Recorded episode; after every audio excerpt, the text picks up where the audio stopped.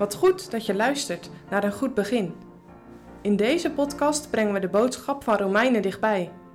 Vandaag met Gemma Snoei. Het thema van vandaag is roemen in God. Ik lees met jullie Romeinen 5, vers 11. En niet alleenlijk dit, maar wij roemen ook in God, door onze Heer Jezus Christus, door welke wij nu de verzoening verkregen hebben. Wat is dat eigenlijk, roemen? Roemen is met lof spreken over iets of iemand, een persoon eren of prijzen. Het woord dat Paulus in het Grieks gebruikt is nog sterker dan roemen. Het is bijna in extase zijn van lofprijzing en vreugde. Iemand alle eer en dank geven. John Piper vergelijkt deze roem met de lof die een moeder geeft aan de persoon die haar kind redt. Het kind valt in het water en een voorbijganger snelt te hulp en weet het kind van de verdrinkingsdood te redden. De moeder kan haar dankbaarheid en blijdschap niet op. Ze blijft herhalen: Hoe kan ik u bedanken? Hoe kan ik u ooit laten merken hoe dankbaar ik ben? Dit is de roem die Paulus gebruikt om God groot te maken.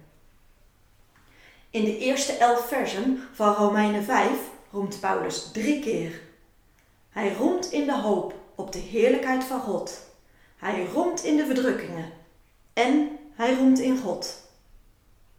Dit roemen willen wij vandaag behandelen, waarin de climax ligt in vers 11. En niet alleen dit, maar wij roemen ook in God, door onze Heer Jezus Christus, door welke wij nu de verzoening verkregen hebben. In vers 2 roemt Paulus in de hoop op de heerlijkheid van God. Dit is de vaste hoop dat Paulus na zijn leven op aarde in de hemel in de heerlijkheid mag zijn. Hij mag daar God groot maken en Jezus Christus, die de hemelse heerlijkheid voor Paulus verdiend heeft. Maar nu Paulus nog op aarde is, ziet hij ook reden tot roem, zelfs een prijzen in de verdrukkingen. Hoe kan dat? Wie wil nu graag in moeite zijn? Paulus leert dat dit roemen in de verdrukking ook weer een roemen in God is. De verdrukking werkt leidzaamheid en de leidzaamheid bevinding en de bevinding hoop. En de hoop beschaamt niet, omdat de liefde Gods in onze harten is uitgestort door de Heilige Geest die ons is gegeven.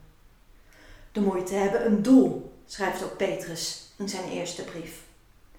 De beproeving uws geloofs, die veel kostelijker is dan van het goud, het welk vergaat en door het vuur beproefd wordt, bevonden worden te zijn tot lof en eer en heerlijkheid in de openbaring van Jezus Christus. Als een goudsmid goud wil zuiveren, stopt hij een goudstaaf in het vuur. Door de hitte komt al het vuil dat ook in het goud zit naar boven. Hiervoor is intense hitte nodig. Pas vanaf 1064 graden Celsius gaat goud smelten. Het vuil dat bij het smelten naar boven komt, schept de goudsmid weg.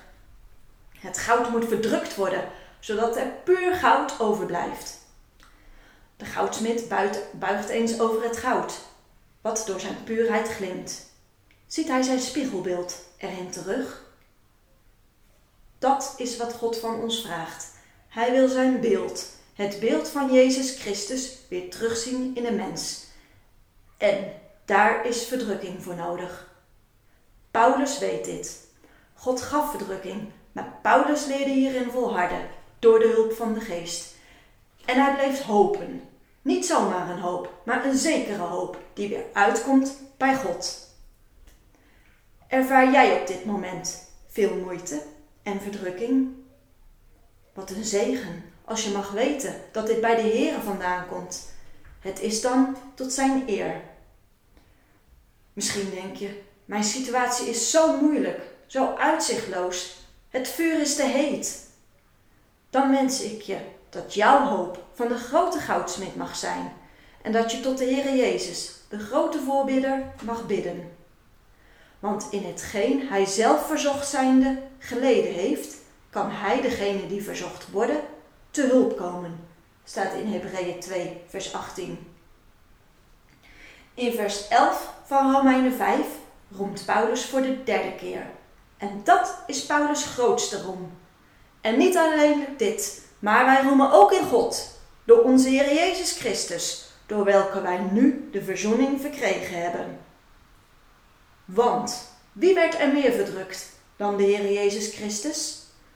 En dat voor zondaren, terwijl hij zelf zonder zonde was. In Jesaja 53 staat het er zo kernachtig. Toen betaling geëist werd, werd hij verdrukt, maar hij deed zijn mond niet open. Als een lam werd hij ter slachting geleid, als een schaap dat stom is voor het aangezicht zijner scheerders, alzo deed hij zijn mond niet open. Dit hebben wij dinsdag uitgebreid overdag, hoe Jezus voor vijanden stierf. Door zijn dood bracht hij vijanden weer in de vrede met God. En zo worden zij behouden en krijgen zij een vaste hoop op de heerlijkheid van God. Heb jij leren roemen in de heerlijkheid, in de verdrukkingen en in God?